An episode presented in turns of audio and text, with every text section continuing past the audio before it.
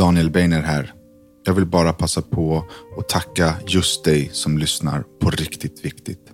Jag är så glad och tacksam över att just du lyssnar. Den här podden förändrar människor till det bättre. Den är så viktig. Och vill man så kan man stötta arbetet med Riktigt Viktigt genom att bli medlem på Patreon www.patreon.com riktigt viktigt. Som medlem på Patreon så får man tillgång till allt material långt innan det släpps i de vanliga apparna. Tusen, tusen tack för din tid.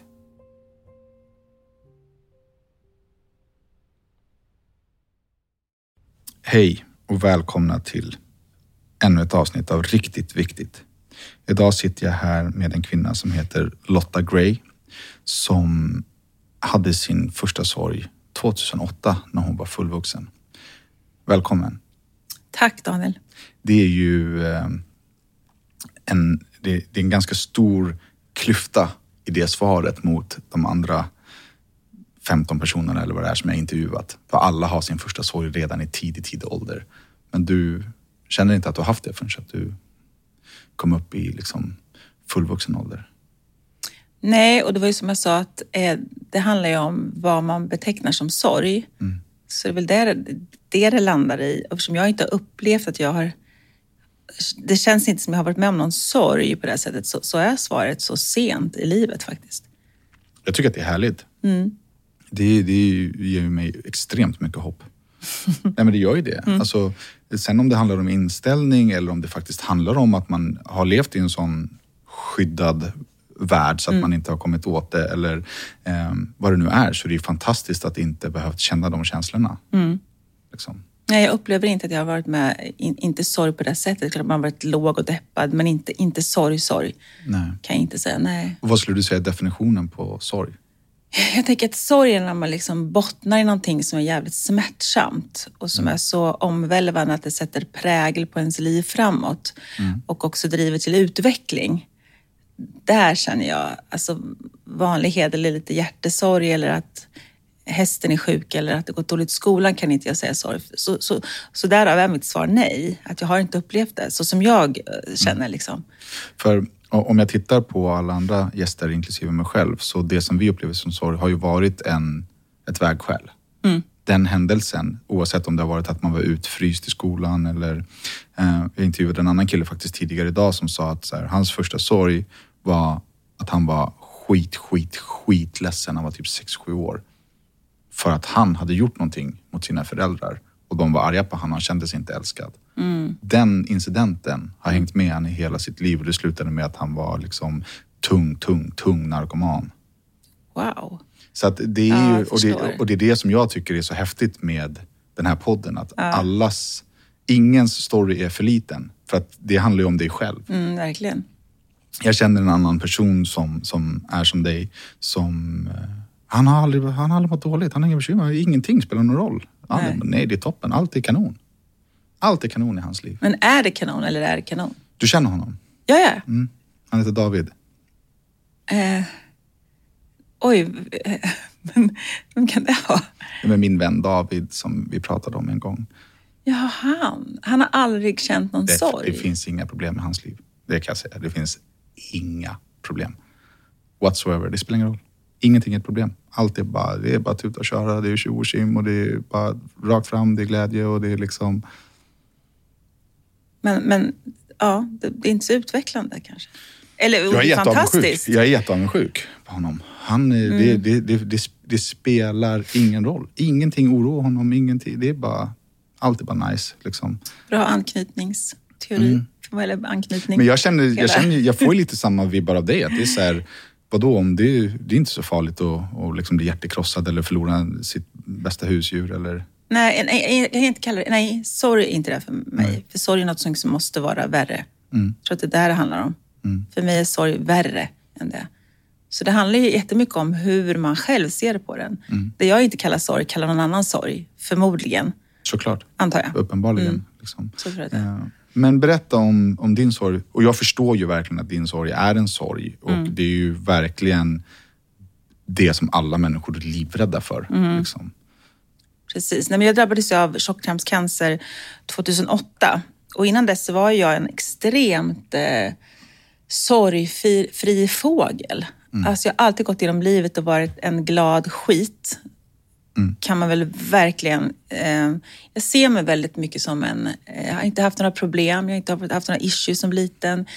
Jag har inte varit mobbad, jag har haft vänner, jag har haft min häst. Jag växte upp i en väldigt trygg miljö ute på landet.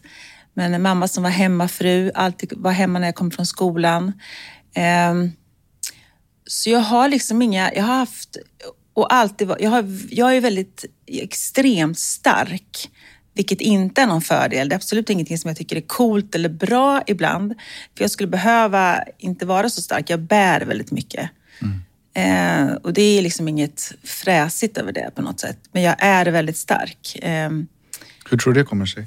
Eh, jag vet inte riktigt vad det beror på. Att jag, har, jag tror att det kommer mycket från min pappa som är från, från eh, en annan kultur som jag inte har växt upp med. Men att jag har honom i, i min core, i, mina, i mitt DNA. För jag är så väsensskild från mina övriga syskon. Men om jag inte missminner mig nu, jag kan verkligen ha fel, men du har inte alltid haft kontakt med din pappa utan det är någonting som har Nej, kommit på äldre dagar. Precis. Och det är fortfarande ingen sorg, ingenting som har präglat dig? Ingenting som har präglat mig. Vi fick kontakt när jag gick i sjuan mm. första gången. Eh, och sen har jag växt upp med min styvpappa, så jag har haft en jättenärvarande pappa genom hela mitt liv som jag har kallat min pappa. Mm. Så det har inte varit någon sorg. Eh, sen kan det finnas en sorg att vi inte liksom fann varandra innan han gick bort. Han gick bort för fyra år sedan. Men det var mer ett, liksom ett, ett resonerande kring att det är svårt att få det att fungera när man ska dyka upp i någons liv så sent. Så jag var mer glad att han, att han ens kom in i mitt liv just då. Mm. Så någon sorg kan jag inte kalla det. Mer att det var en att han bara kom var ju fantastiskt. Han kunde ju aldrig ha kommit. Ser du på, på livet med, med liksom fantastiska glasögon? Nej, inte alls. Nej. Nej, inte alls. Jag är väldigt krass. Extremt krass. Jag lyssnade på dig i natt och du sa att du eh, är negativ i allt. Jag är nog också väldigt... Folk ser inte mig som det. Jag tror att folk ser mig som väldigt... Jag gör inte det. Du och jag Nej. har ändå haft ganska mycket kontakt genom åren. Sådär. Ja. Eh, vi är ju inga främlingar liksom. Nej. Eh, men jag har aldrig upplevt dig som negativ. Nej, jag vet. Det är jätte, en jättedubbelhet i mig. Men är det då en fasad? Eh, nej, jag är nog väldigt autentisk. Och för mig är det viktigt att vara autentisk. Mm. Men jag tror att jag, jag bär mycket saker inom mig. Jag pratar inte så mycket om, om mitt mående och jag mår ganska bra. Eh, såklart i perioder, eh, ingen mår ju bra hela tiden. Men jag tror att jag bär det väldigt mycket ensam. Eh, och jag tror att jag har en ganska stark grund, grundglädje som jag tror sipprar igenom väldigt mycket hos mig. Så, så människor som träffar mig upplever mig nog som väldigt positiv och oftast glad. Vilket inte alltid är sant. Men jag kan inte säga att jag har någon fasad, skulle jag inte säga. Nej. Nej upplever mig inte som jag, jag, jag känner mig ganska genuin faktiskt. Tror du att eh, utomstående kan uppleva att det är en fasad? Förstår du vad jag menar? Ja, Om man känner dig på djupet? Nej, det tror jag inte. Nej. Jag tror att jag upplevs som, som genuin eh, när man träffar mig. Och väldigt... Eh, jag tycker väldigt mycket om människor. Jag är väldigt nyfiken på människor. Drivs ju mycket av nyfikenhet. Tycker mm. att det är, människors historia är otroligt intressant. Jag kan ju sitta liksom prata med uteliggare en hel natt. Jag kan liksom, jag på semester så hittar man oftast mig bland, inte liksom bland det, det liksom glassiga folket, utan mm. jag dras oftast till svärta. Eh, jag vill oftast höra livshistorier. Det är väldigt intressant för mig. Mm, och så har det alltid varit. Och jag vet inte vad det liksom beror på riktigt. Nej, men det är ju sjukt intressant. Ja, men det är det. Verkligen. Det är så spännande med den här podden också. Få, för mig att få perspektiv på hur alla har tänkt, vad som har hänt och liksom mm. vad som har fått dem att eh, gå vidare eh, i en positiv anda. Precis. För det är väldigt viktigt att det är där det slutar. Mm. Och det spelar egentligen ingen roll om det är, man, nu vet inte jag om du har fått, fick ett dödsbesked med ditt cancer, men du fick en allvarlig cancer eller om det är att man känner att ens partner har lämnat en och man aldrig liksom tror att man kommer se morgondagen. Mm. Det finns. Det finns en ljusare dag. Liksom. Mm. men det har man ju någonstans med åren lärt sig också att man... Eh, för när jag var som sjukast så tog jag bara så här, ibland handlade det om en timme i taget. Inte att jag skulle dö, men bara att stå ut med dagen. Mm. eh, att stå ut med dagen fram tills att det blev bättre, så handlar det ibland om timmar i taget att stå ut. Ibland var det en vecka i taget, ibland var det dagar och ibland var det timmar i taget. Och jag, det har jag lärt mig med åren, att det blir alltid bättre. Det är väldigt sällan det blir sämre. Mm. Och det är liksom evolutionen på något sätt. Det är, bara, det, det, är som, det är väldigt sällan det blir sämre om man verkligen tittar på saker och ting. Eh, Alltså det blir ju sämre och sämre tills att man dör.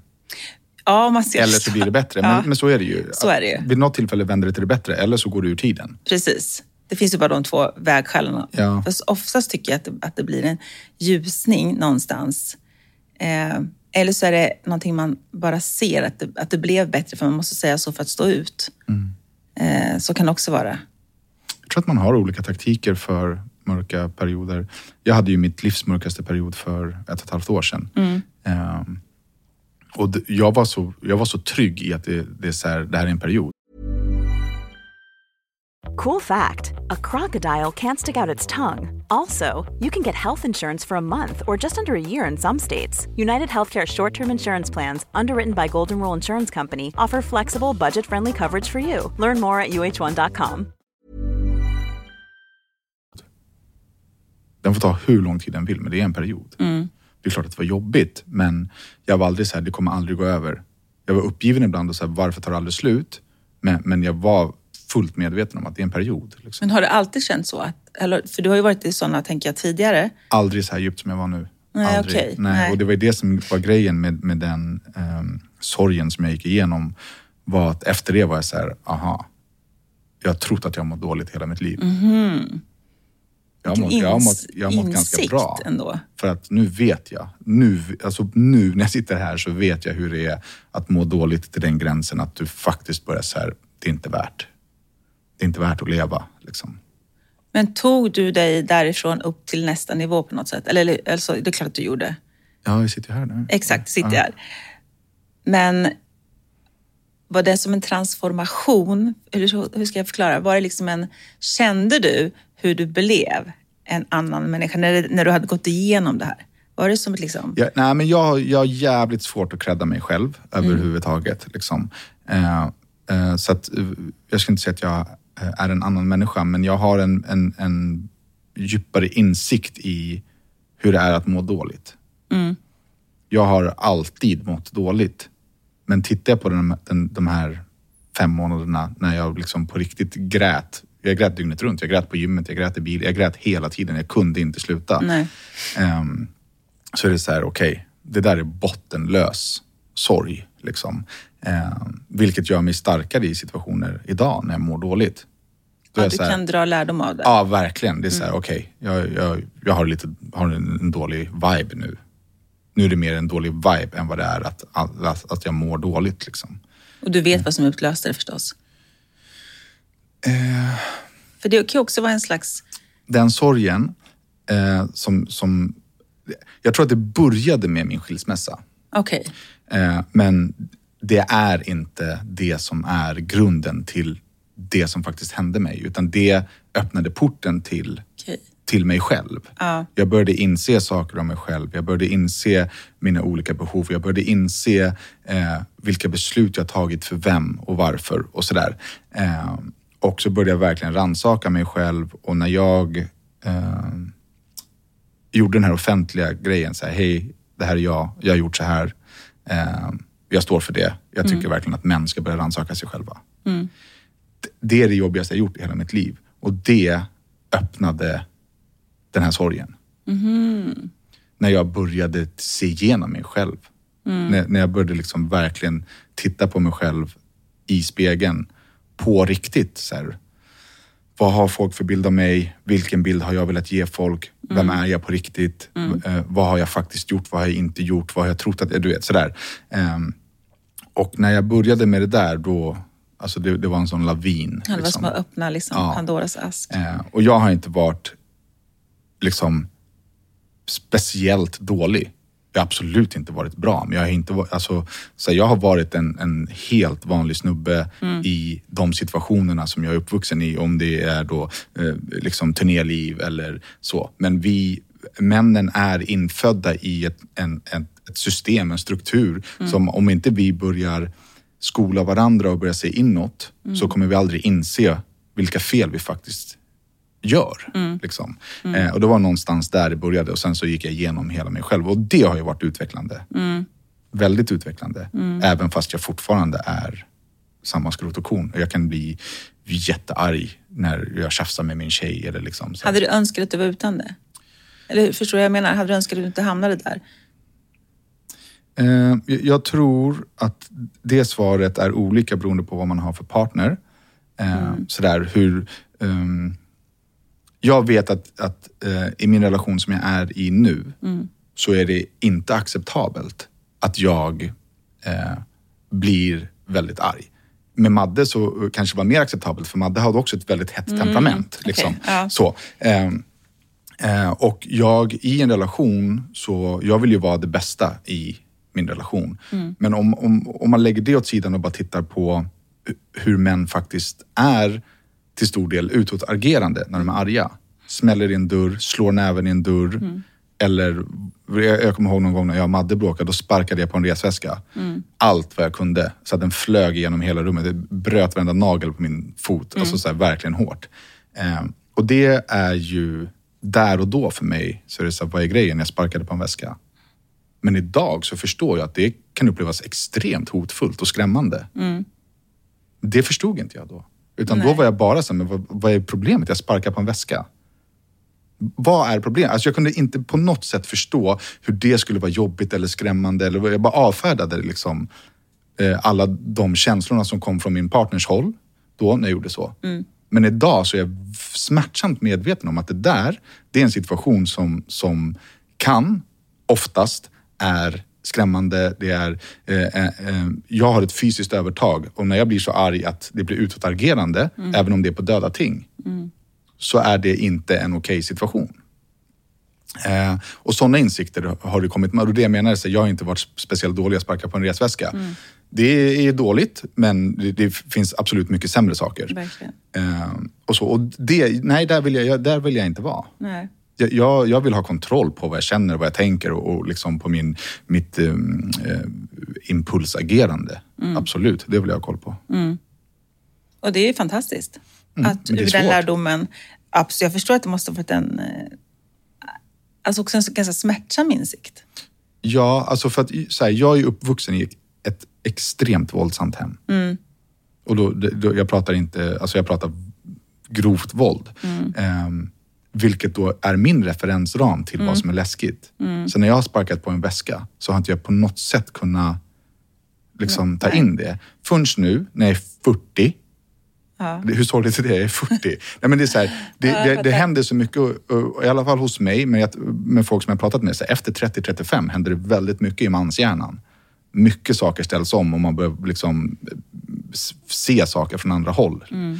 Ehm, nu kan jag ställa min barndom helt på sidan och bara titta med, med helt neutrala ögon på den situationen. Det är klart att det är obehagligt. Mm. Såklart. Men inte om jag jämför med hur det var för mig. Nej, Och men det är för du det- hade helt andra referenser. Ja, exakt. Och det är det jag måste ta bort. Jag kan inte... Jag, jag, Utgå från det. Nej, men jag, jag kan inte låta någon annan ta ansvar för Men för mig var det så här, så det här är lugnt. Det, är ju Nej. Mm. det är inte upp till dem, det är upp till mig. liksom. Fast förstår du hur, många, hur få som tänker så? Eh, Ja, och det är därför jag gör vad jag gör nu. Mm. Sociala medier och med den här podden och så. Försöker verkligen liksom bara så öppna små portar, så små frön och liksom få folk att börja tänka ur andra perspektiv. Liksom. Märker du att det ger... Eh, jag ser ju på, din, på ditt Instakonto att du får mycket feedback från män. Men hur funkar det i din eh, kontext, i, din, i dina nära vänskapsrelationer? För du umgås med ganska, upplever ganska grabbiga killar ibland kanske? Ja, men vi, vi, vi, det, är en, det är en grabbig brokig skara. ja. Eh, och eh, Hur har det mottagits? Nej, men det, funkar, det funkar väldigt olika. Mm. Så är det.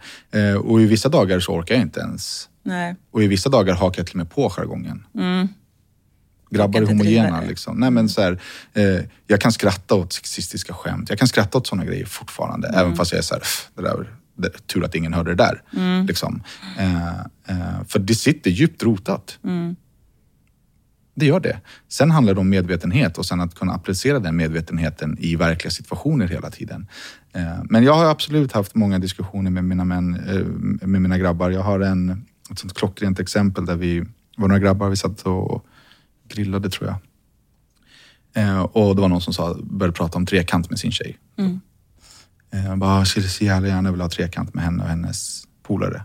Så jag bara, men vi kan åka hem till dig nu och ha trekant med din tjej. Mm. Han bara, vad säger du? Jag bara, vadå? Det är väl precis lika normalt som att du vill ha trekant med henne och hennes kompis. Hon vill ju säkert ligga med mig. Mm. Liksom. Och då sa jag det ganska provokativt då att det handlade om mig. Så. Han bara, men hon skulle aldrig vilja det. Jo, det skulle hon. Varför gör du skillnad på kvinnor och män? Varför skulle inte tjejer vara kåta? Varför skulle inte tjejer mm. vilja ha trekant, femkant, sexkant, gruppsex, whatever? Mm. Varför tror du att det bara är killar som vill det? Mm. Det, är, det, är så idiotiskt så att jag vet mm. inte vad jag ska ta vägen. Äh, min tjej skulle aldrig, hon är inte sån. Var inte sån? Hon är inte människa menar du?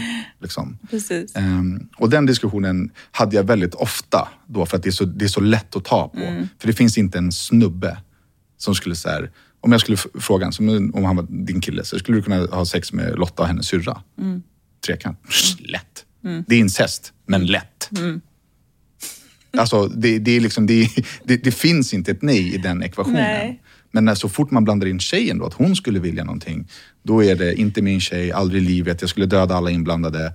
Liksom. Och då blir det väldigt konkret, för det där är ju ganska lätt, det blir någonting som är handfast man kan ta på. Så det är ett bra sätt, tänker jag, att använda sig av den mm. eh, det exemplet, för då fattar man ju väldigt tydligt. Eh, det är oklart om de fattar faktiskt. Ja, fast, ja. Det är så här, nej men det, det som är, min tjej är inte sån. Hon skulle aldrig. Och här, men det, det, finns en jättestor möjlighet att din tjej är ute med sina tjejkompisar. Precis. De käkar ecstasy, de drar ladd precis som du. Ja. De eh, eh kanske suger av någon på toan precis som du blev avsugen på toan. Alltså, mm. Det är människor vi pratar om. Mm. Sen säger inte jag att alla människor är otrogna. Nej. Men det är fortfarande människor som, som har ett helt annat liv än det som du ser hemma. Mm. Som har andra samtal, som har andra mm. lustar mm. och i 99 procent av fallen så vågar inte en kvinna uttrycka sina sexuella behov med sin man. Av den researchen jag har gjort, det här är ingen liksom, eh, statlig research Nej. utan gjort på min Instagram. Jag frågade hur eh, många som skulle vilja ha trekant. Tjejer och killar. Mm. Och sen så frågade jag, eh, vågar du ta upp det med din partner? 99 procent av tjejerna sa nej. Mm, det var så? De som, tjejerna som sa ja, att de ville ha trekant, ja. sa sen nej till att de, de vågar inte prata om det. Ja, du ser. Och då är det så här, men är det sånt glapp? Mm för kill, en kille kan säga direkt att fan ring över en tjejkompis. Mm. Som att det inte är någonting. Mm. Som att det är mer accepterat mm. bara för att det är två tjejer då. Precis. Um, ja, nej men så, ja, jag, ibland lyfter jag frågan. Uh, sällan blir den hörd och förstådd. Mm. Det är ett ganska ensamt och slitsamt jobb, tänker jag, att driva den liksom, Ja, just den sexuella frågan, den är så enkel att driva. För att ja, men jag tänker rent generellt, den här liksom omställningen. För att då, då är du, i, de, I det manliga rummet så försöker du ändå vara en motvikt. Mm. Och du är ganska ensam där, tänker jag. Det är inte alltid helt lätt. Du säger ibland orkar jag, ibland orkar jag inte. Vissa dagar mm. pallar jag inte, vilket jag fattar. För det är ju det är ett hästjobb att driva det där ju. Mm. Och det är fantastiskt att någon tar på sig den hatten. Fler borde göra det. Jag har, eh, i min föreläsning så eh, eh, pratar jag en del om metoo. Ehm, så, och en ganska liten del, men också viktig del, mm. Eh, där jag säger så men alla i det här rummet är en del av det. Och då säger jag inte att ni är våldtäktsmän. Jag säger bara att ni var, det var mörka minuten eller mm. det, ryska posten, vad fan det heter. Och liksom, det var någon kommentar här, så här, vi alla är en del av det. Mm. Bla, bla. Och sen, jag hade den här föreläsningen eh, och sen efteråt då, så fick arrangören så mycket skit av killarna i publiken. Mm. För att? För att jag hade stått där och anklagat dem. Då. Um, och, och, då är jag bara så här, men alltså ta av dig skygglapparna. Alltså, våga, bara, våga bara titta på alla dina insatser med kvinnor mellan du var 14 och 25. Mm. Krogen, whatever. Mm. Det finns inte en man med rent, med rent mjöl i påsen. Och det är inte farligare att erkänna än att så här, det är en gråzon. Jag mm. visste inte bättre. Jag visste inte bättre. Och jag säger inte att det är okej okay för det, men, men så här, jag vet att jag inte har överfallsvåldtagit någon. Men har jag tjatat? Ja. Mm. Såklart. Jag var kåt, jag tjatade. Mm. Men det det betyder för mig där och då var ju inte att hon hade sex mot mig, med mig mot sin vilja. Det var ju såhär, shit hon blev kåt till slut. Mm. Yes. Förstår du? Och det är det som är gråzonen som jag kallar det. Den här tjejen bara säger, orkar inte höra, fuck it, jag ställer upp. Och det är där den här debatten finns idag. Där det finns så många kvinnor som har blivit utnyttjade utan att männen fattar det. Ja, de förstår inte vad de har gjort. Och hon sa inte nej. Hon sa nej några gånger, sen sa hon ja. Men det var inte så här, jag höll inte i, jag blev inte sur, utan så här, jag fortsatte bara smeka på låret. Eh, och det här har ju varenda kvinna varit med om. Och jag säger inte att alla kvinnor har känt sig utnyttjade av den situationen, men det är väldigt många. Men ingen av männen anser sig själva ha gjort fel.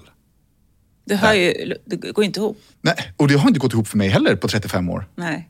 Men nu har jag liksom, när jag har pratat med, med, med folk i min närhet om det, så är det så här, wow, är det så ni upplever det? Det enda jag kan göra då är att så här, okej, jag, har, jag har gjort det här. Det, det vill jag inte göra om. Jag är ledsen. Liksom. Eh, vågar jag stå för det? Pissläskigt, men ja. Alltså, jag måste ju. Alltså, jag har gjort det. liksom. Precis. Wow. Så den, nu blev det här väldigt mycket om mig, men det var den delen som verkligen begravde mig i min sorg. Att så här, shit, det finns, det är så mycket som jag inte har förstått. Liksom. Jag har trott någonting om mig själv som är helt fel. Liksom. Fast får ni omvärdera. Ja. Och det är, det är läskigt att göra, en, alltså det är läskigt för alla att titta sig själv i spegeln. Men det är för att det blir som ett existentiellt... Så här, det är typ det värsta man kan göra, tänker jag. För det är så här, vem är jag? Det finns, det finns ju inget mer eh, alltså, existentiell fråga man kan ställa sig som människa. Vem är jag? Men vet man det då? Nej, jag tror att det är väldigt få människor som vet vem de är. Jag har ingen aning. Nej, jag tror att det Jag vet. krävs svin mycket jobb, mycket reflekterande, mycket navelskåderi, mycket isolerande, mycket avskärma sig från ganska mycket av omvärlden. Alltså egentligen resa till Tibet och eh, sitta i lotusställning tror jag faktiskt skulle vara... Och alla fixar inte det. Har du gjort det? Nej, men jag tror att det är där man måste någonstans börja rota. Man måste avskärma sig. Det är alldeles för mycket intryck. Alldeles för mycket intryck som är svårt att se. Måste för mycket dimma liksom. Ja, men verkligen.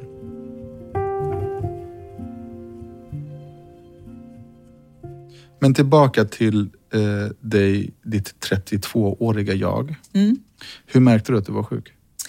Eh, jag fick väldigt, väldigt ont i magen typ eh, två veckor kanske. Så otroligt ont i magen. Eh, Hur, och går det att beskriva den smärtan? ja, men det var som... Eh, den kom och gick. Det var ingen molande smärta. Det var en ganska... Den kom och så var jag tvungen att stanna bilen och sen vika mig dubbel över ratten och sen så var det borta. Och så kom den tillbaka efter typ en halvtimme, en timme. Så det kom liksom i konvulsioner mer än en slags långsam molande förlåt, smärta. Eh, så det var lite så den såg ut eh, rent eh, fysiskt. Och jag tänkte inte mer på det. Jag tänkte att det var väl liksom stress. Eller jag hade en tvååring hemma som var sjövild. Ehm, jag jobbade heltid. Så jag tänkte det är väl liksom stress eller någonting. Men sen så accelerer, accelererade den där smärtan första maj 2008. Eh, och då skulle vi gå och kolla på valborgsmässa Ellen, jag och Så att min den blev ondare eller längre? Nej, ondare. Vi vi skulle ha middag på kvällen och jag var tvungen att gå upp och lägga mig i sängen. Och jag är ju inte den som kastar in handdukar. Det är liksom inte mitt... Jag gör ju sällan det. Återigen, tyvärr. Lite, lite för starkt för mitt eget bästa. Men då gick jag upp och la mig på övervåningen i sängen och hade så svinont. Eh, och sen gick ju min exman och Lennox, min tvååriga son då, och tittade på valborgsmässa Elden. Och sen på natten så började jag kräkas så blod som var så här sumpaktigt. Som kaffesump liksom. Och hade så obehagligt, otroligt liksom. ont i magen. Jag kommer ihåg att jag gick ner i våran källare, det var ett stort badrum. Eh, och där började kräkas blod och sen så ringde jag ambulansen. Och sen gick jag upp på övervåningen och så smög jag upp och sa så här, du behöver inte, du jag måste åka in med ambulansen. Så här, typiskt kvinnligt. Men är det här det du kallar starkt? För jag skulle kalla det idiotiskt. Ja, Mm. det där är inte, ska väl jag.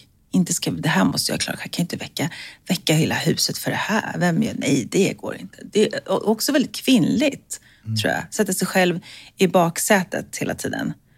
Eh, det här klarar jag. Det här bär jag. Och det är därför jag vill kalla det för idiotiskt. För Ja. Mm. du var gift, du hade en partner, alltså, du var inte ensam i det här. Nej, nej, nej. nej. nej jag var gift, Mm. absolut. Eh, och då sa jag bara så här, jag åker in med ambulansen. Jag fixar det här själv. Väck inte Lennart. Han ska till skolan, eller han ska till förskolan, han ska ha frukt med sig i ryggsäcken och de ska på utflykt. Så det här är lugnt. Var du rädd?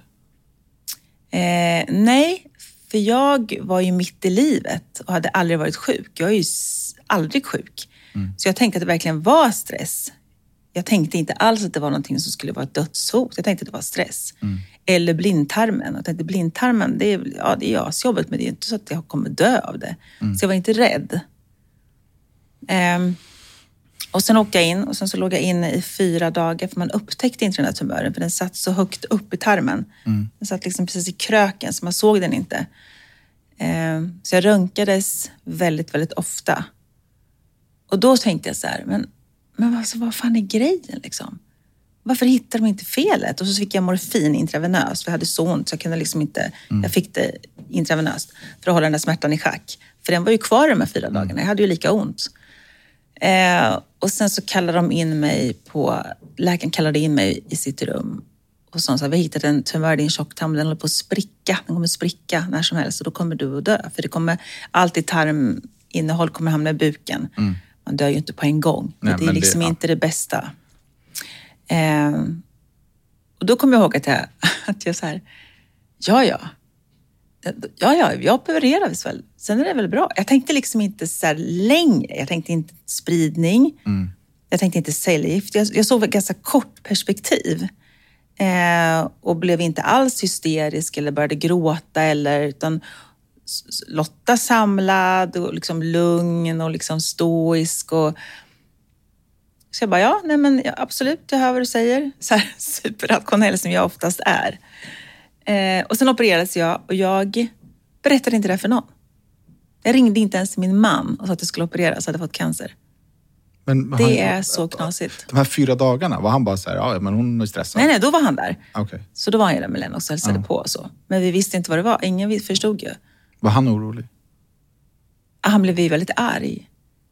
När jag, Efteråt? ja, för att jag opererades för cancer utan att få, han fick inget, jag hade kunnat dött med en åtta timmar lång operation. Jag menar, folk dör ju ibland under operationer, det är väldigt sällsynt i Sverige, men man vill ju gärna veta kanske att man ska opereras. Men det här är också det du definierar som att du är stark. Då. Ja, Är, är, du, är du öppen för att byta ut det ordet? jag har aldrig, jag har aldrig tänkt på det.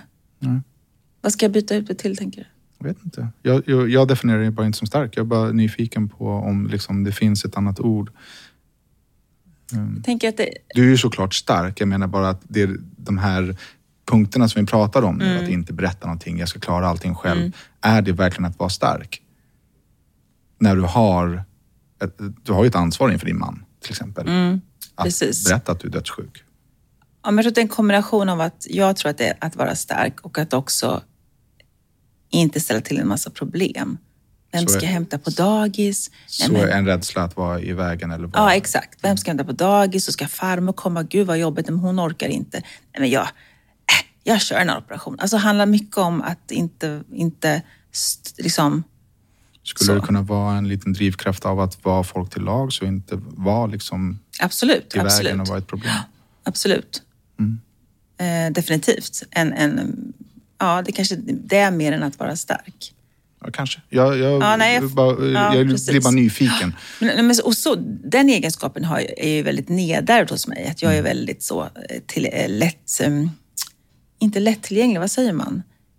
Vill inte vara till lags. Ja, väldigt, det är en väldigt, jag har ju mycket problem med det. Jag kommer ihåg jag träffade dig på ICA i Globen en gång. Och då hade, eh, det var din barnvecka, det var en fredag.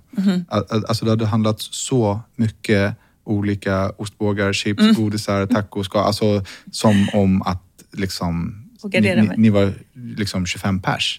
Det var du och din son. Det hade räckt liksom med en påse gott och blandat och lite mikropopcorn. Men, Ja, alltså, är du, du kom med så, alltså, du, du hade så mycket grejer. Du bara, så här, det är Lennox vecka, nu ska vi liksom... Gå all in. Ja. Ja, men det är nog väldigt mycket. Det är ju i och för sig fint. Jo, men Men det är, det är ju någonting som driver fram det, tänker mm, jag. precis. Jag har väldigt mycket Luther i mig. Vad betyder Luther? Att jag är upp, uppväxt i ett lutheranskt perspektiv. Eh, att man ska liksom inte tro att man är någonting, man ska inte gnälla, man ska gå till jobbet sjuk man än är. Man ska liksom inte gå in i några jävla väggar, vad är det för trams? Man ställer sig upp och jobbar. Man jobb, alltså jag är väldigt uppfostrad så på det sättet. Väldigt Men du, hårt. du är uppfostrad i en svensk familj? Absolut, Ja. absolut. Men där, men där man liksom, man jobbar. Mm. Man, man är driven och man jobbar och man håller inte på och gnäller om saker. Nej. Så, så det kommer ju jättemycket därifrån och det är jag väldigt, väldigt medveten om. Mm. Eh, och den är svår att få bort, den här anpassningsbara Lotta. Extremt anpassningsbar. Mm. Jag är ju så här, om jag ska sova borta någonstans och det finns bara tre sängar. Jag bara, nej men jag sover på golvet. Nej men jag behöver inget täcke. Mm. Alltså jag är extremt sån. Jag är väldigt lätt att resa med. Jag är en dröm, dröm att vara med. För att jag, Jo, men är du en dröm mot dig själv när du ligger där på golvet utan täcke? Tänker du så här, det här var bra val, fan vad nice. nej, fast jag gör ju det för att någon annan ska få sängen. Mm. Väldigt mycket självutplåning. Jag är jättemedveten om det, så det är inte så att jag liksom är något nytt. Nej. Så det kanske är det som är istället för att vara stark. Ja, möjligtvis. Ja, jag menar inte alls att förringa Nej, jag förstår din du menar. styrka, utan Nej, jag är nej. bara nyfiken på liksom, hur... För eftersom att vi definierar sorg så himla olika så antar jag att vi definierar andras ord Saker olika. Ja. Men okej, så du gör den här operationen utan att säga något och du går in i operationen och säger men det här är tvärlugnt. Nej, men jag tänker så här, de tar bort den här tumören. Det var ungefär stor som en clementin. Mm. Eh, och Hur länge har du haft den? Vet man det? Nej, jag tror att den startade när jag blev gravid. Okej. Jag tänker det. Den hade varit där i ungefär två, tre år. De kan se det på storleken. Mm. Så någonstans kanske, det kan man nästan inte prata om för då vill inte folk bli gravida. Men det händer ju så otroligt mycket med celldelningen när man blir gravid. Så jag tänker att, att det var där det började. Mm. Men de har inte sagt det, utan det vad nej, du nej, tänker. Ja. det vad jag tänker. Men de kan se att den har varit ungefär två, tre år eh, på storleken. Och det var som en liten clementin. Eh, men jag tänker att jag opereras och sen ringer jag. Och bara tjo nu är det klart. Det är klart, hej, jag, fick, jag har fått cancer fast att jag har varit i operation nu i åtta timmar. Eh, så så tänkte jag. Men du låg inte där och så här, bara önskade att få hålla någon i handen och... Nej, Nej. nej. Jag tänkte jag gör det här själv. Det är lika bra för att avklarat. Jag är ju väldigt krasst lagd generellt tror jag som människa. Inte känslokall är jag inte. Jag är, ganska, nej, men jag är inte någon känslokall person, men jag är ganska krass i mitt resonerande rent generellt om saker och ting. Eh, så jag opererades ensam. Och det gick ju bra, det var ju tur det. Så det inte hade, hände någonting under operationen. Liksom. Och när i det här kommer din sorg? Eh, den kommer nog av att jag känner mig väldigt, väldigt ensam i min sjukdom. Eh, och det här är så här lite svårt att prata om eftersom min exman inte är här. Och jag vill inte sitta här på något sätt och säga att han sketer mig, för det är inte schysst heller. Utan jag tror att det handlade väldigt mycket om att jag inte släppte in honom. Alltså jag äger jättemycket av, av den känslan själv, för jag bjöd inte in till den resan. För återigen så skulle jag bära det där själv. Eh, Så jag släppte inte in honom ordentligt. Och det är ju en sorg kan jag tycka. Att inte få de, inte kunnat dela den. Och det är en pågående sorg. Den har ju inte gått över än. Det är ju en ständig rädsla för återfall. Nu är jag eh, singel, jag har skilt mig. Så jag är ju ensam om den rädslan hela tiden i alla lägen. Och jag tror ju förmodligen att jag skulle ha lika svårt att släppa in någon annan i den där rädslan fortfarande fast det har gått 12 år. För att släppa in någon är ju så oerhört läskigt. Det är det läskigaste du kan göra. Därför att det riskerar ju också att... Att släppa in någon innebär ju också en risk att förlora någon. Verkligen. Och det Och då- tror jag jättemånga relationer lider av. Precis. Och då skiter jag heller i det. För mig är det inte värt det. Är det också att vara stark? Ja, jag tycker att det, att det var skit, skitstark. Fast det är det inte. Det är ju att vara jättefeg egentligen. Det är det faktiskt. Ja, jag vet. Om man tittar på det från det hållet så är det att vara jättefeg. Du går ju faktiskt miste om... Ja, men jag tror att priset är för högt. Jag tänker att priset, är det verkligen värt priset? Men du släppte in din exman. Så pass långt att ni Ja. gifte er i alla fall. Absolut. Jo, men det gjorde jag. Men jag tänker att nu sen skilsmässan har blivit så otroligt stark, nu där igen, stark. Så att släppa in någon nu känns ju oerhört jättesvårt. Det är ett stort hinder. För allt det jag har byggt upp nu, jag har min egen ekonomi, jag bor bra, alltså jag har allt shit som, jag har en, allt, mitt liv funkar liksom. Den som kommer in nu måste ju bara komplettera mig. Och jag har så svårt att se vem skulle kunna bidra med någonting i mitt liv. det måste ju vara någon som är helt fantastisk. Jag kan inte se vem det skulle kunna vara. För jag har alla mina bitar på plats redan. Mm. Så det, det är liksom så här...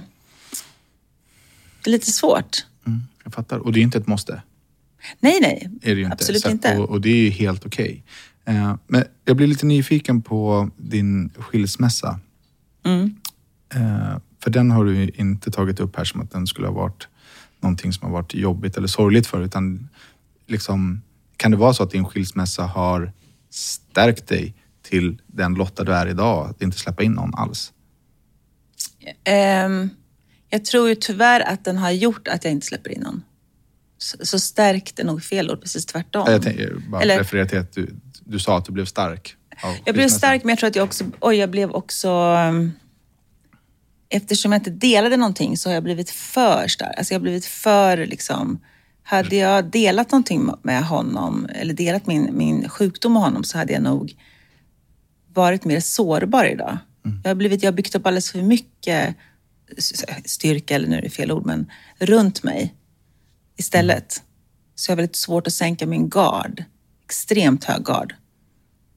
Och det tror jag att man inte upplever mig att jag har. Eh, man, om man träffar mig så tror, tycker man nog att jag är ganska varm och, och liksom ganska härlig. Eh, men jag har en väldigt hög gard och det märker man inte förrän man ska ha en relation med mig tror jag. Nej, och så kan det vara. Ja, jag tror att det är så. Ehm, Hey, it's Danny Pellegrino from Everything Iconic. Ready to upgrade your style game without blowing your budget? Check out Quince. They've got all the good stuff shirts and polos, activewear, and fine leather goods, all at 50 to 80% less than other high end brands. And the best part? They're all about safe, ethical, and responsible manufacturing. Get that luxury vibe without the luxury price tag. Hit up quince.com slash upgrade for free shipping and 365 day returns on your next order. That's quince.com slash upgrade. Quality sleep is essential. That's why the Sleep Number Smart Bed is designed for your ever evolving sleep needs. Need a bed that's firmer or softer on either side? Helps you sleep at a comfortable temperature? Sleep Number Smart Beds let you individualize your comfort so you sleep better together. JD Power ranks Sleep Number number 1 in customer satisfaction with mattresses purchased in-store. And now, save 50% on the Sleep Number limited edition Smart Bed for a limited time. For JD Power 2023 award information, visit jdpower.com/awards. Only at a Sleep Number store or sleepnumber.com. Okej, men du gjorde operationen och så Mm. eh, liksom uppvaket och, och sådär. Och antar att du blev då informerad om att så här, från och med nu så är det cellgifter och liksom... Ja, jag fick reda på att jag hade fått... Eh, man, tar ut alla, man tar ut massa lymfkörtlar och så tittar man på dem och då hade jag... En av de lymfkörtlarna var cancerogen. Och bara för att en var cancerogen så ger man mig cellgifter i förebyggande syfte, så att säga. Bara för att vara på den säkra sidan så fick jag cellgifter i sex månader. Och då jobbade jag heltid. Under hela den blir man inte jättedålig? Fast jag sk- sket ju lite i det. Nu låter det jättekorkat att säga så, för det är ett hån mot alla som får cancer och inte kan skita det, som bara ligger och spyr. Så att säga så här, jag sket i det låter också så här otroligt korkat, men jag blev inte så, jag blev inte så dålig som man kan bli. Nej. Jag blev inte sängliggande, jag kräktes inte, jag lyckades gå till jobbet, jag lyckades stå på röda mattan med cellgifterna i bakfickan på jeansen som var kopplad till en slang till min hals. Jag fick dem via så flytande. Så jag hade dem i en liten väska som jag hade i min dunjacka. Så jag stod där på röda mattan och lyckades liksom jobba. Eh, och det var ett sätt för mig att liksom stå ut, för hade jag blivit sängliggande, då hade jag blivit en cancerpatient. Men jag blev inte så dålig. Eller jag blev dålig, men inte så att jag inte klarade av att, att komma upp. Men operationen är ju ganska stor. Nu har jag bara sett eh, bilder på internet, men du har ju Mm. ganska stora ärr. Man, Precis. man har ju verkligen öppnat upp dig. Liksom. Eh, hur den läkningsprocessen, var, sket du den också eller? Eh, nej, men då hade jag en, en tvååring, två och ett halvt-åring som, som behövde mig. Och då skiter man i allt. Och skit, då, om det går. Återigen är det kaxigt där att säga, men jag var ute och Det, är cyklade. din, man- det här är din story, du får äga den. Liksom. ja, men precis. Nej, men det låter lite så här för, för, liksom, förmätet att säga så här, jag sket i att jag blev risig. får man cancer så kanske man inte kan skita i det. Men jag lyckades på något jävla pannbensvis sätt bara vara med honom, cykla fast jag inte, inte kunde cykla ordentligt. Jag gjorde en operation i min lever för det spreds till levern. Och när man cyklar då, så, så då, här ska man upp med lever, då kunde jag liksom inte trampa så jag fick möta pedalen när den kom upp på något sätt. För jag Ja, jag orkade inte, fattar. så, Ja. så, så, Halvtramp. ja, men så där fick jag hålla på. Fast en, en annan människa kanske hade sagt, jag kan inte cykla med dig. Mm. Jag, det, det går inte. Så jag gjorde massa knasiga grejer. Jag tycker att vi kan eh, komma överens om att det är inspirerande och inte kaxigt. Ja, Det är inspirerande. Jag blir jätteinspirerad. Jag blir mindre rädd för sjukdom när jag pratar med dig. okej. Jag blir mer rädd om jag pratar med någon som bara klappar ihop helt och liksom signade ut. Ja, men kan man välja det? Eller jag vet inte liksom... Men jag, alltså, sk- skulle jag få ett cancerbesked så skulle jag... alltså, Då är mitt, när, när de säger det till mig, då har jag dött. Är det så? Ja, det tror jag. Jag är livrädd. Alltså jag är fullkomligt livrädd. Det, Fast det känns som du har ganska mycket cojones i det. Alltså, ganska Jo, men mycket... alltså, vet, jag tänker på, på dödliga sjukdomar varje kväll när jag går och lägger mig. Och så tänker jag så här, det bästa vore om jag bara dog i natt när jag sov. Det är sant. Daniel. Nej, men det här är helt sant. Jag, det är inte så att jag vill dö, Nej, jag men, men jag vill verkligen dö när jag sover. Jag vill bara inte veta om att jag dör. Så du är rädd för döden? Jag är rädd för att eh, bli svårt sjuk, ja. Mer än alla, för det är alla. Men tänker du att du har, att du, att det är någonting Jag som vet du... inte hur de alla andra Nej, det upplever det, sant. men jag tänker på Det- det varje dag. Och då hamnar jag direkt i så här slagsmål med Murphys lagar. Typ så här, shit, nu har jag sett till att jag blir det. Har jag tänkt det igen. Mhm, du tänker så? Ja. Eh, så det, jag har ju, alltså, som sagt, jag, jag har mått dåligt i många år av mitt liv, men jag skapar ju mycket, av, eller nästan allt skapar jag själv, skulle jag säga. Ehm, nu kan jag ju kanske garva lite mer, och, och, och, mer åt det och ändå vara så här, men må bra nu. Jag, har tagit, jag har ju tagit ut det här i förskott i hela mitt liv. Och allt andra, alla andra katastroftankar som jag har. Liksom. Men, men nu är jag mer så jag tänker på det så jag bara, men så här, det är ju inte där nu, så att skit i det nu. Så att jag har börjat kunna hantera det lite. Men, men jag, jag är absolut rädd för att få ett sånt besked. Ja. Jag trodde inte heller att jag skulle få. Jag ringde till mamma från sjukhuset och sa, mamma vad tror du att det är? Kan det vara cancer? Hon bara, men snälla lilla rara Lotta. Det är klart att det inte är cancer. Så någonstans har hon berättat för mig efteråt, att jag kommer inte ihåg det där samtalet, men hon bara, du ringde till mig och sa, kan det vara cancer? Och så var det det. Vilket man absolut inte tror. När man är så ung och frisk och liksom nygift nästan och mitt i livet. Så det är så svårt att förstå. Och jag har ju alltid varit så frisk. Det är väldigt, det är väldigt märkligt. Jag brukar luta mig till att jag har varit mycket sjuk, konstiga sjukdomar. Så, att, så att jag kanske har balanserat ut det. du tänker så. Eh, och ehm, den eh, cellgifterna och sen var du liksom... Jag gick med cellgifter ett halvår och sen så... Eh, de opererade min... De tog bort 80 centimeter av tarmen. Så jag är 20 centimeter kvar. Jag brukar säga att jag har en, en kort tarm och ett stort hjärta, brukar jag säga. Men 20 centimeter, det är inte långt. Det är Nej. så här långt. Så det är alltså egentligen 80 är från... borta. Så det är egentligen från magmunnen direkt ner, ner till en tarmen liksom. En öppningen. Ja, alltså, ja jag har inga, inga som helst... Eh, vad säger man? Eh, jag lever ju som vanligt. Det är inget liksom... Och det är ingen stomipåse? Nej, liksom. nej, nej, nej. Alltså inget... Jag går på toa oftare. Ja. ja, det är klart, för det blir mindre. Men det, ja, det går fortare liksom. Men inte på ett sätt som, är, som jag inte kan hantera. Liksom. Jag behöver inte ha nära till en toalett, inte så. Nej. Men eh, hinner... För, nu, nu ska jag prata om någonting som jag inte har någon aning om. Men tarmen tar väl upp massa... Vätska framför allt. Inte näring och sånt, bara vätska. Jo, fast jag har ju ingen brist på... Kroppen är fantastisk. Jag har ingen brist... Alltså jag äter som vanligt. Jag lider ingen... Nej. Den anpassar sig Om du sträcker på sjukt. det, kan du känna att det sträcker i tarmen då? Om Nej. var 20 centimeter? Men däremot när man opererar min lever så får man inte dricka alkohol på ett halvår. Mm. Det var ju svinjobbigt tyckte jag. Ja, eh, ja, Ja, säger men det, var, och det låter inte också jävligt knasigt, men jag kommer ihåg midsommarafton. Jag var så jävla dåligt humör. För att jag kunde inte dricka, dricka vin efter att jag hade opererat min lever, för den måste få vila då liksom, i sex månader. Och då, eh, så den växer ju ut igen. Levern är ett fantastiskt organ. Det är ett mjukdelsorgan, så den växer tillbaka. Och då kan jag, den, den kan jag ju känna att den, när jag sitter och knyter skorna så känner jag att det tar stopp. Så då när jag röntgade mig, jag har ju röntgat mig ganska länge efteråt. Jag har ju tjatat till mig att, att jag vill röntga mig ofta, mer än liksom vad som är liksom gängse norm egentligen. Och då sa jag till min läkare så här, men alltså på riktigt, hur ska ni veta när den ska sluta växa? Den kan ju väx- växa ner i knän, knät. Han bara, nej men den här, din lever har överkompenserat, så den har liksom verkligen fyllt ut hela sitt, sitt hålrum nu. Den kan ju liksom inte komma längre, det är ett hål, det tar ju stopp.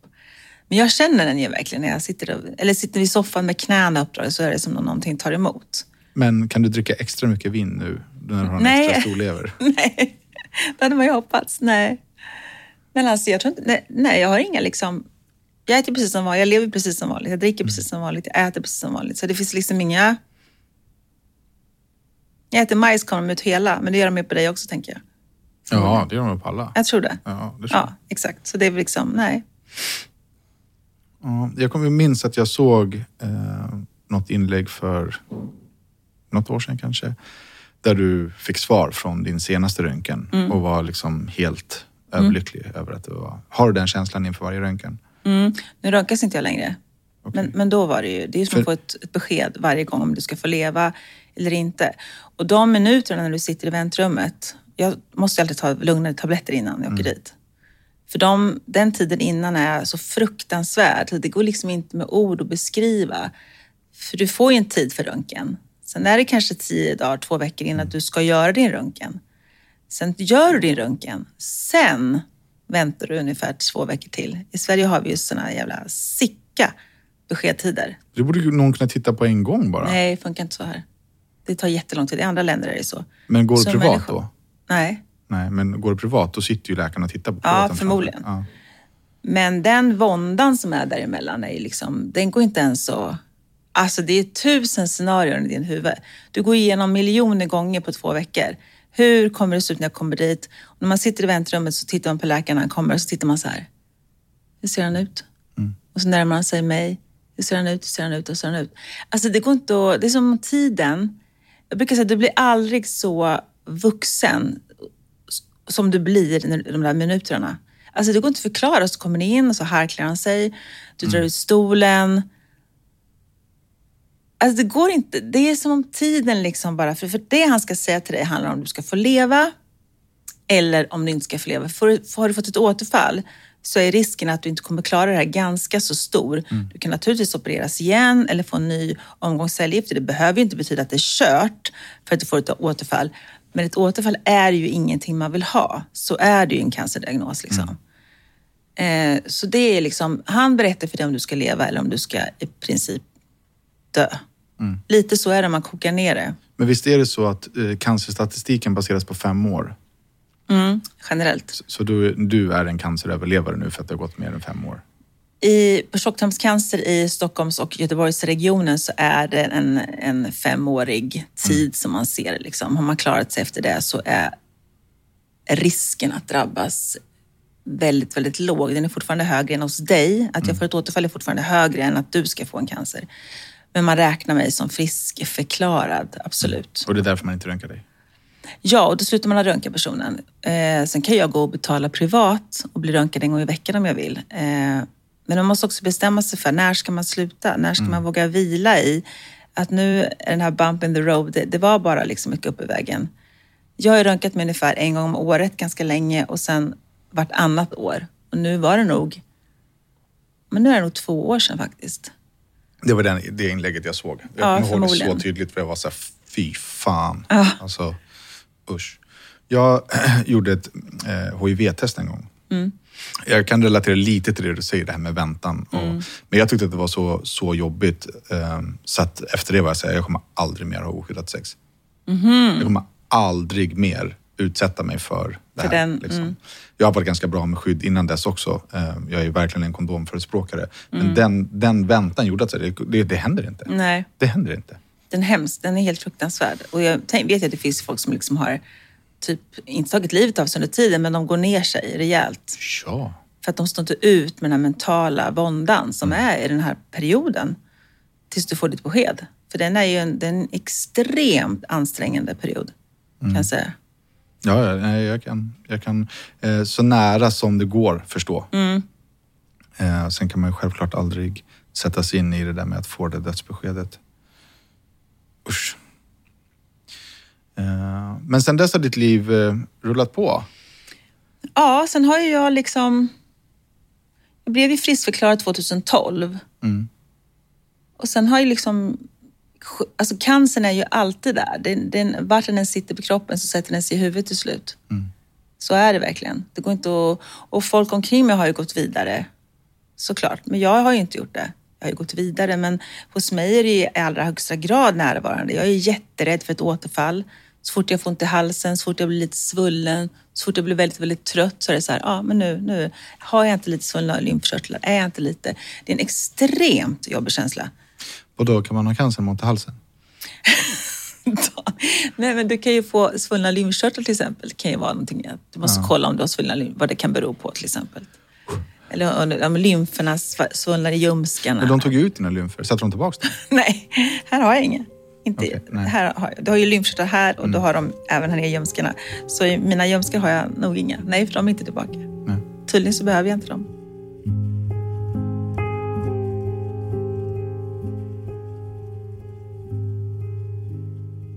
Min pappa har ju cancer eh, i urinblåsan. Som växer inåt i urinblåsan. Eh, vilket är sk- skitbra. För att de går in via urinröret och så skär de bort den här en gång per år. Den kommer tillbaka hela tiden. De skär bort den, Och liksom. den sprider sig inte. Nej, och så sprutar de in cellgifter då via urinröret in i urinblåsan. Jaha. Eh, han mår ju ganska dåligt av cellgifterna men det är inte så att han tappar inte hår eller liksom Nej. så.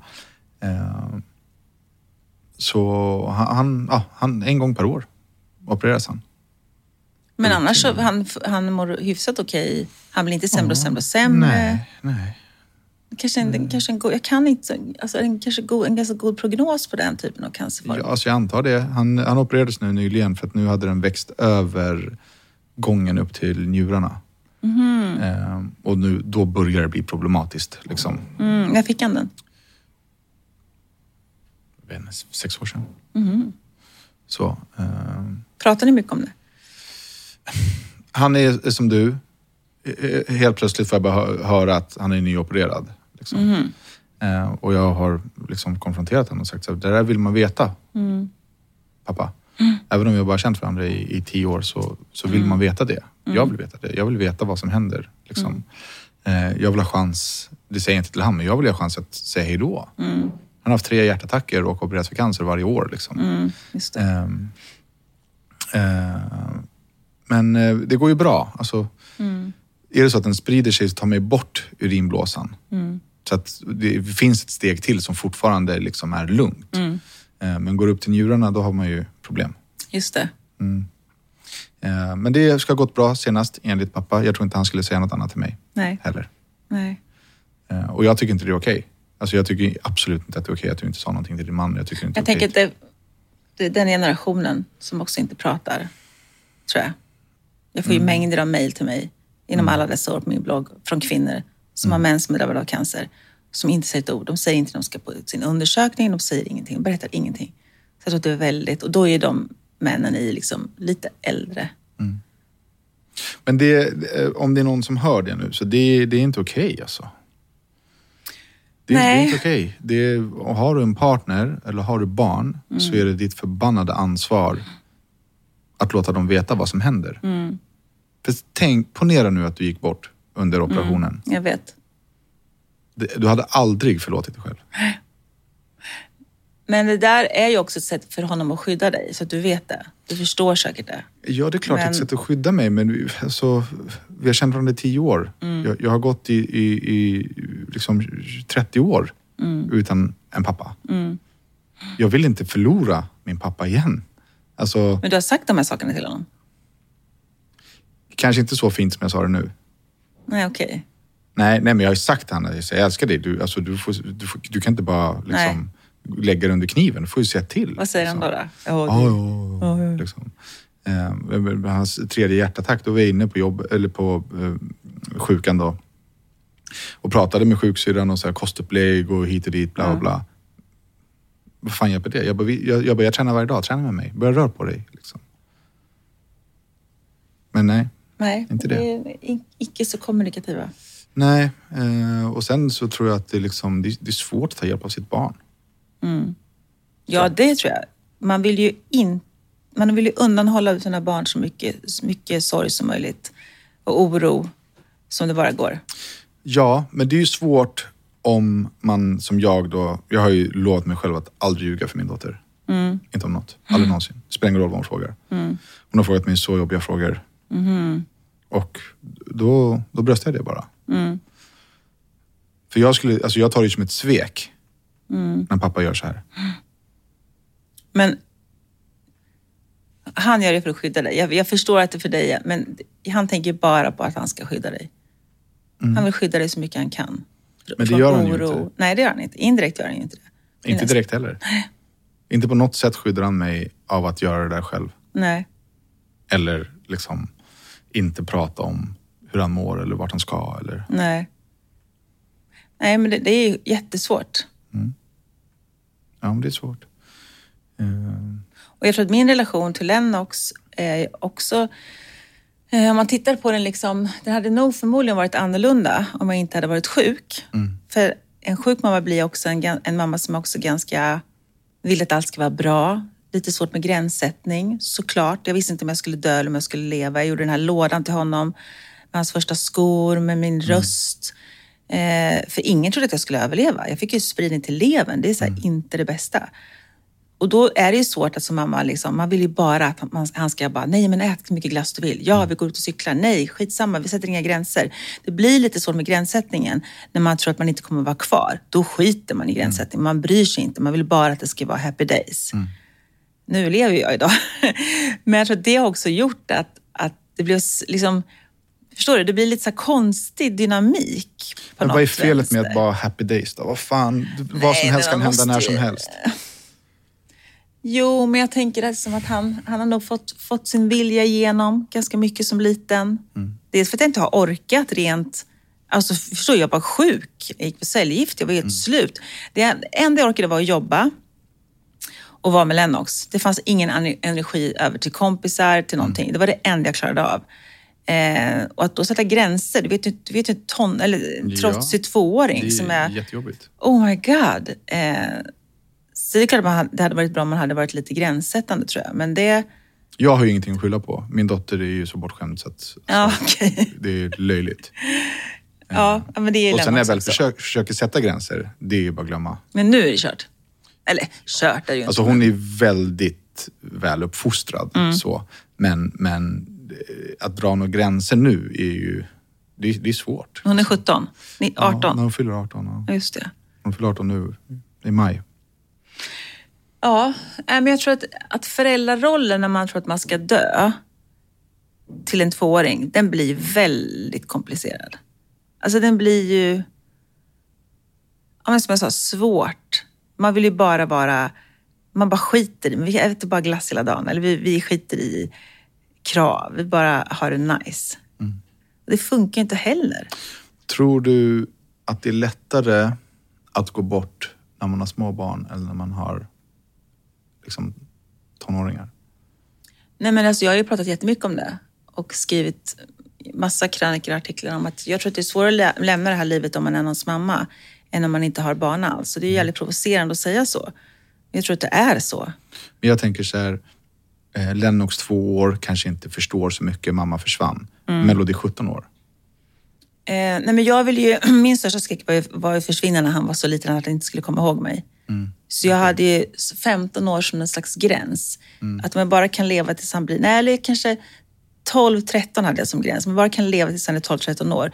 För då kommer han att bära med sig minnet av mig. Han kommer komma ihåg mig, han kommer veta vem jag är, han kommer veta vad som är viktigt för mig, att han är vem han blir. Eh, så för mig var det så otroligt skönt när han blev äldre. Och det är nu. Ja, för nu känns det som, som om jag skulle gå bort nu så minns han ju mig. Han vet vem jag är. Han vet hur jag luktar, han vet vem jag är. Han vet att jag älskar sushi och pepparkaksdeg och lättöl. Han känner mig. Men hade jag gått bort när han var två, om ingen förvaltar minnet av mig, för minnen bleknar, om du inte har en partner, en ex-partner som är jävligt duktig på att prata om dig hela tiden, då bleknar minnet till slut. Inte helt och hållet naturligtvis, men och det var ju min absolut största rädsla. Överhuvudtaget. För din eller hans skull? För min skull, men också för hans. Jag lever ju inte, så jag vet ju inte om det.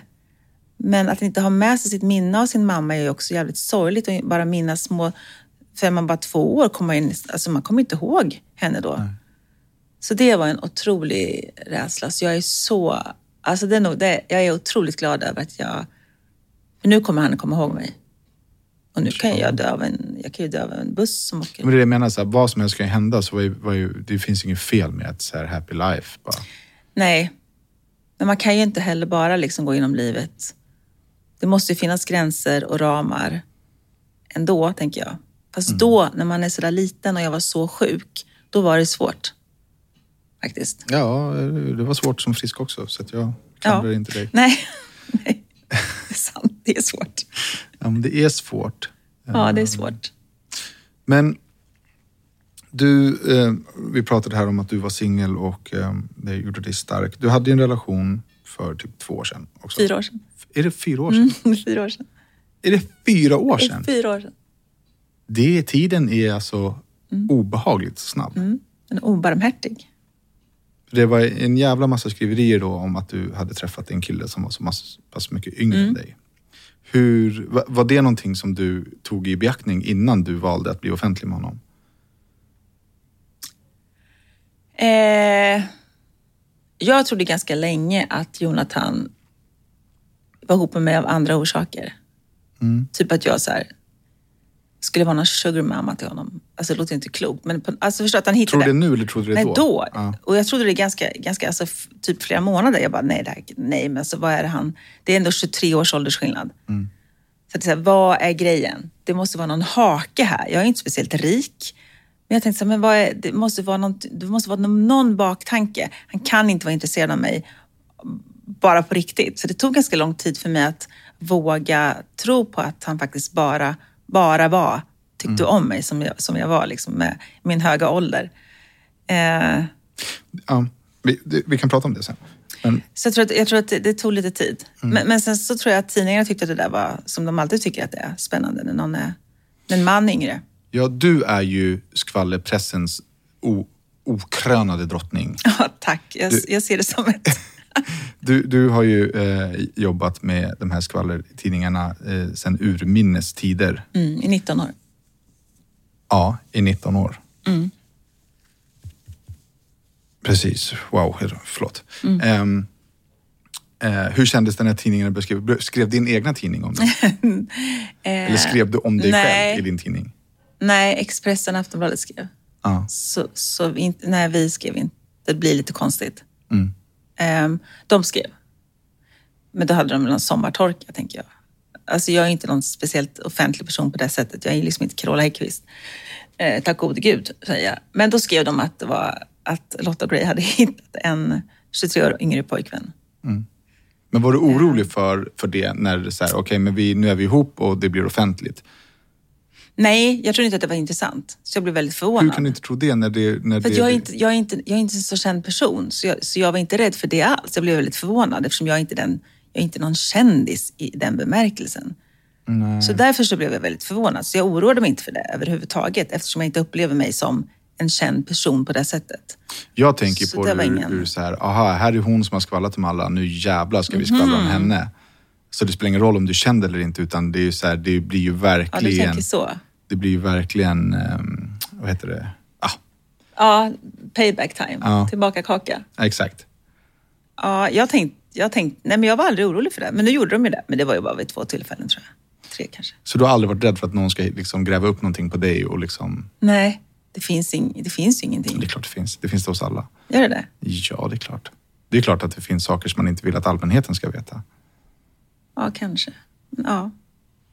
Har, har det legat dig i fatet någon gång att du har jobbat med skvallerpress? Eh, tänker du på det rent pers- per- personliga, personligt, privata? Ja, men, jag, jag, ja, men absolut. Jag tror att folk har en bild av mig som, som ganska... Ever catch yourself eating the same flavorless dinner three days in a row? Dreaming of something better? Well, HelloFresh is your guilt-free dream come true, baby. It's me, Gigi Palmer. Let's wake up those taste buds with hot, juicy pecan-crusted chicken or garlic butter shrimp scampi. Mm. Hello Fresh. Stop dreaming of all the delicious possibilities and dig in at HelloFresh.com. Let's get this dinner party started. Planning for your next trip? Elevate your travel style with Quince. Quince has all the jet setting essentials you'll want for your next getaway, like European linen, premium luggage options, buttery soft Italian leather bags, and so much more. And is all priced at 50 to 80% less than similar brands. Plus, Quince only works with factories that use safe and ethical manufacturing practices. Pack your bags with high-quality essentials you'll be wearing for vacations to come with Quince. Go to quince.com/pack for free shipping and 365-day returns. Ytlig. Mm. Ehm, vilket jag, jag, man, jag är totalt så långt från ytlig man kan komma. Jag är ytlig på ett sätt. Jag är ganska utseendeytlig tror jag, men jag har ju också ett djup. Och det där är någonting som är intressant, för att man kan inte vara alla de här sakerna. Man kan inte engagera sig i den lilla människan eller i gatubarn eller, eller vara en genuin person om man samtidigt bryr sig om hur man ser ut. Vilket inte är sant såklart. Allting måste få rymmas i en människa. Man kan inte bara vara det ena eller det andra, men det, folk har väldigt svårt att få ihop, bilden av mig tror jag ibland. Undrar om inte det där är en tjejgrej? Att tjejer blir kanske. drabbade av det? Ja, Mer. förmodligen. Det tror jag. För alltså, Måns Zelmerlöw, skitsnygg, eh, supersnäll, folkkär, eh, gör Ja. Mm. massa välgörenhetsgrejer. Är det är väl ingen som ifrågasätter hans Nej. utseende för det. Ja, men jag, jag tror att det, det är sådär, man kan inte rädda världen i läppstift, liksom. Nej. fast man kan ju det. Ja, ja verkligen. Men, eh, men jag tror att många, alltså, att lägga mig i farten så tror jag absolut att det har haft, eh, att jag har upplevt som, jag tror att jag är ytlig och iskall och kallhamrad och beräknad. För det är det man tror att man måste vara om man jobbar med relationstidningar. Vilket såklart inte är sant. Det är ett gäng helt vanliga människor som jobbar Heter det där. relationstidningar? Heter, Jag kallar det nog för det. Skvallertidningar är så otroligt lite dålig eh, klang. Men är det inte per definition... Veckopress kanske? Men är det inte per definition en skvallertidning? Och Fast det är ju Aftonbladet Expressen också egentligen om man tittar på det rent. Ja, ja. Men då göms det bakom, det är precis exakt samma artiklar. Men det göms bakom ett... ett Men är det inte så att ni liksom ehm, kan ha en, en uppfattning eller hört att så här, men nu, är, nu är Kajsa och Kenneth ihop? mm, då ringer vi alltid och försöker få en dementi. Nu jobbar ju inte jag kvar, nu låter det som jag jobbar kvar där. Ja. Det är två år sedan jag slutade, så det ska man också vara väldigt noga med. Jag jobbar inte kvar. Så därför... eh, Men vi, jag antar att de gör så fortfarande. Man ringer ju alltid och försöker få en dementi eller en bekräftelse. Såklart. Man kan inte bara sticka fingret i luften och bara hitta på. Då skulle vi bli fällda, eller vi. Hör du jag pratar? Jag pratar Ja, men du har jobbat med det i 19 år, det är inte så 19 år. Nej, men då skulle vi ju bli fällda dygnet runt. Har ni blivit så- fällda i något? Vid några tillfällen tror jag, men jag tror att inte under, inte under mina 19 år har vi blivit fällda. Det är också ganska svårt att bli det, som jag har förstått. Men jag är inte heller speciellt känd och jag har ju blivit omskriven ett par gånger i nu vet jag inte om det är den tidningen du jobbade på, men i olika tidningar. Med saker som jag inte har godkänt. Eller ingen har pratat med mig om det. Liksom. Ja, men då är ju artikeln förmodligen skriven ur en ren eh, spekulationsartikel. Hur, hur vet man skillnaden på dem då? Nej, men då står det så här, vi hör eller enligt. Okej. Man säger, Förstår du, det är stor skillnad på det, för då kan man inte bli fälld. Man, men om man skriver rakt ut att du har sagt det, då får man. Okej, okej. Så det handlar om hur du, kan spekulera i att Daniel Berg, Berg, Beiner Mm. eh, anser eller tänker. Alltså man kan gå, förstår du, man kan liksom jobba på det på ett annat sätt så att det- man inte blir, blir fälld på det sättet helt enkelt. Och nu jobbar du på cancer... Nu jobbade jag på Cancerfonden. Nu jobbade du? Jag har sagt upp mig. Okej. Eh, så jag har jobbat där i två och ett halvt år och sa upp mig i oktober. Så nu är jag frilansjournalist. Okej. Och Så hur går det? egen... Men det går bra. Ja. Det är lite läskigt. Det är Det lite tyckte du om ovant. cancer, Cancerfonden också?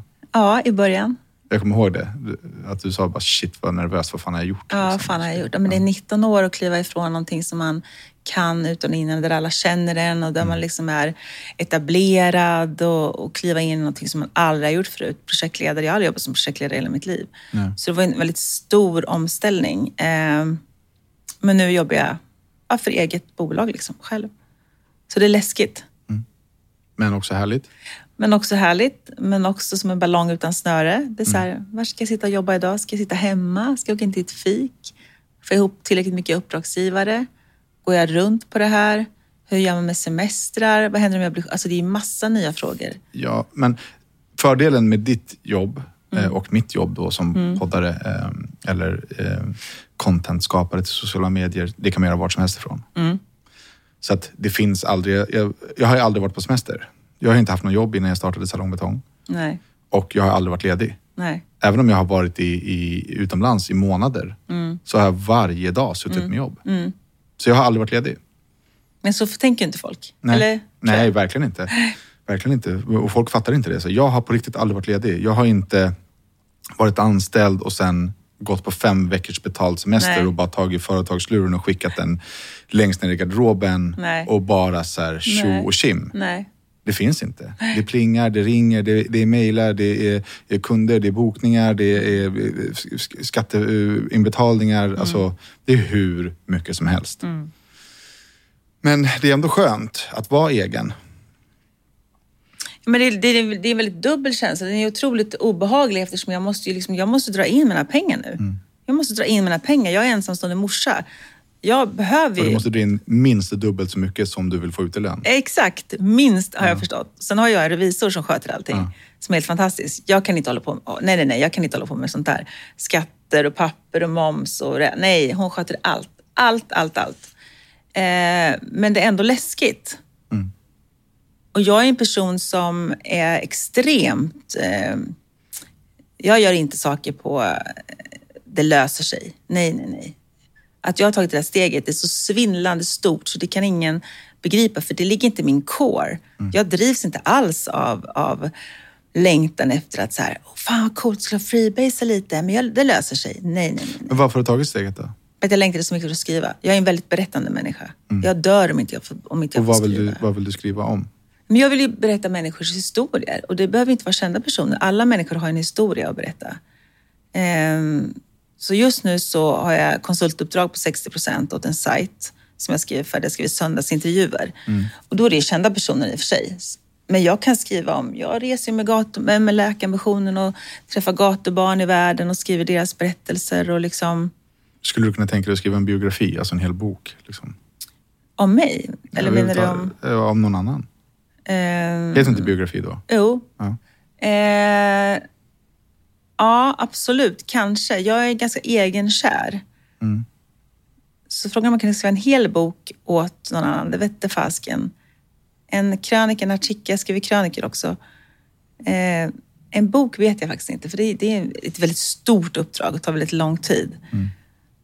Kanske. Möjligtvis. Spännande. Om man vill eh, eh, anlita dig då?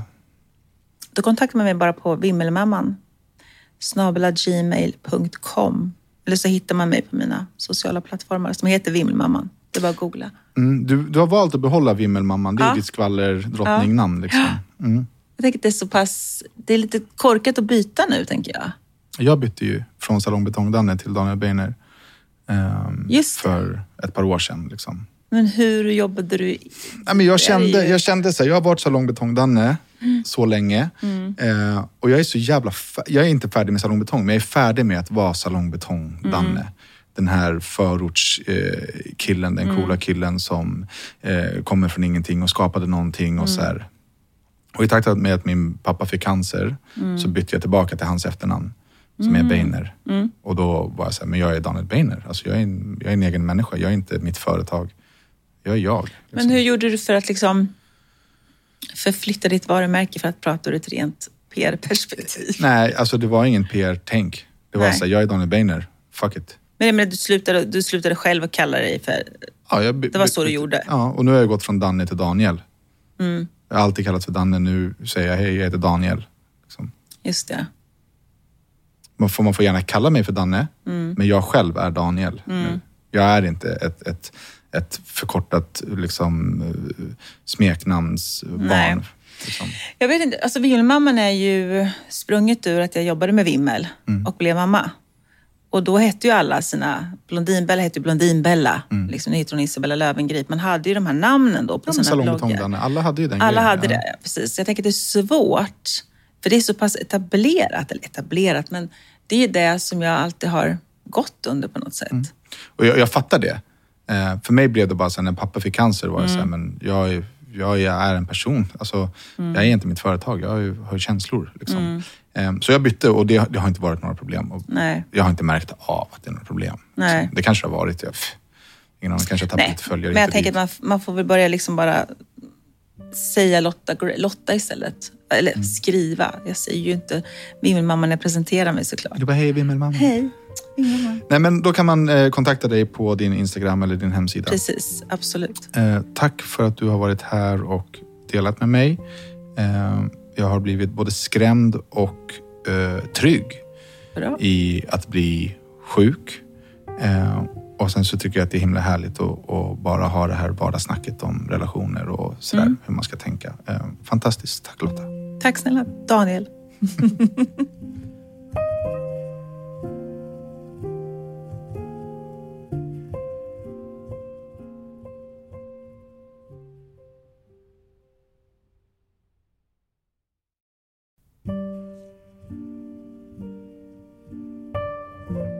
Daniel Beiner här. Jag vill bara passa på att tacka just dig som lyssnar på riktigt viktigt. Jag är så glad och tacksam över att just du lyssnar. Den här podden förändrar människor till det bättre. Den är så viktig. Och vill man så kan man stötta arbetet med Riktigt Viktigt genom att bli medlem på Patreon. www.patreon.com riktigt viktigt. Som medlem på Patreon så får man tillgång till allt material långt innan det släpps i de vanliga apparna. Tusen, tusen tack för din tid.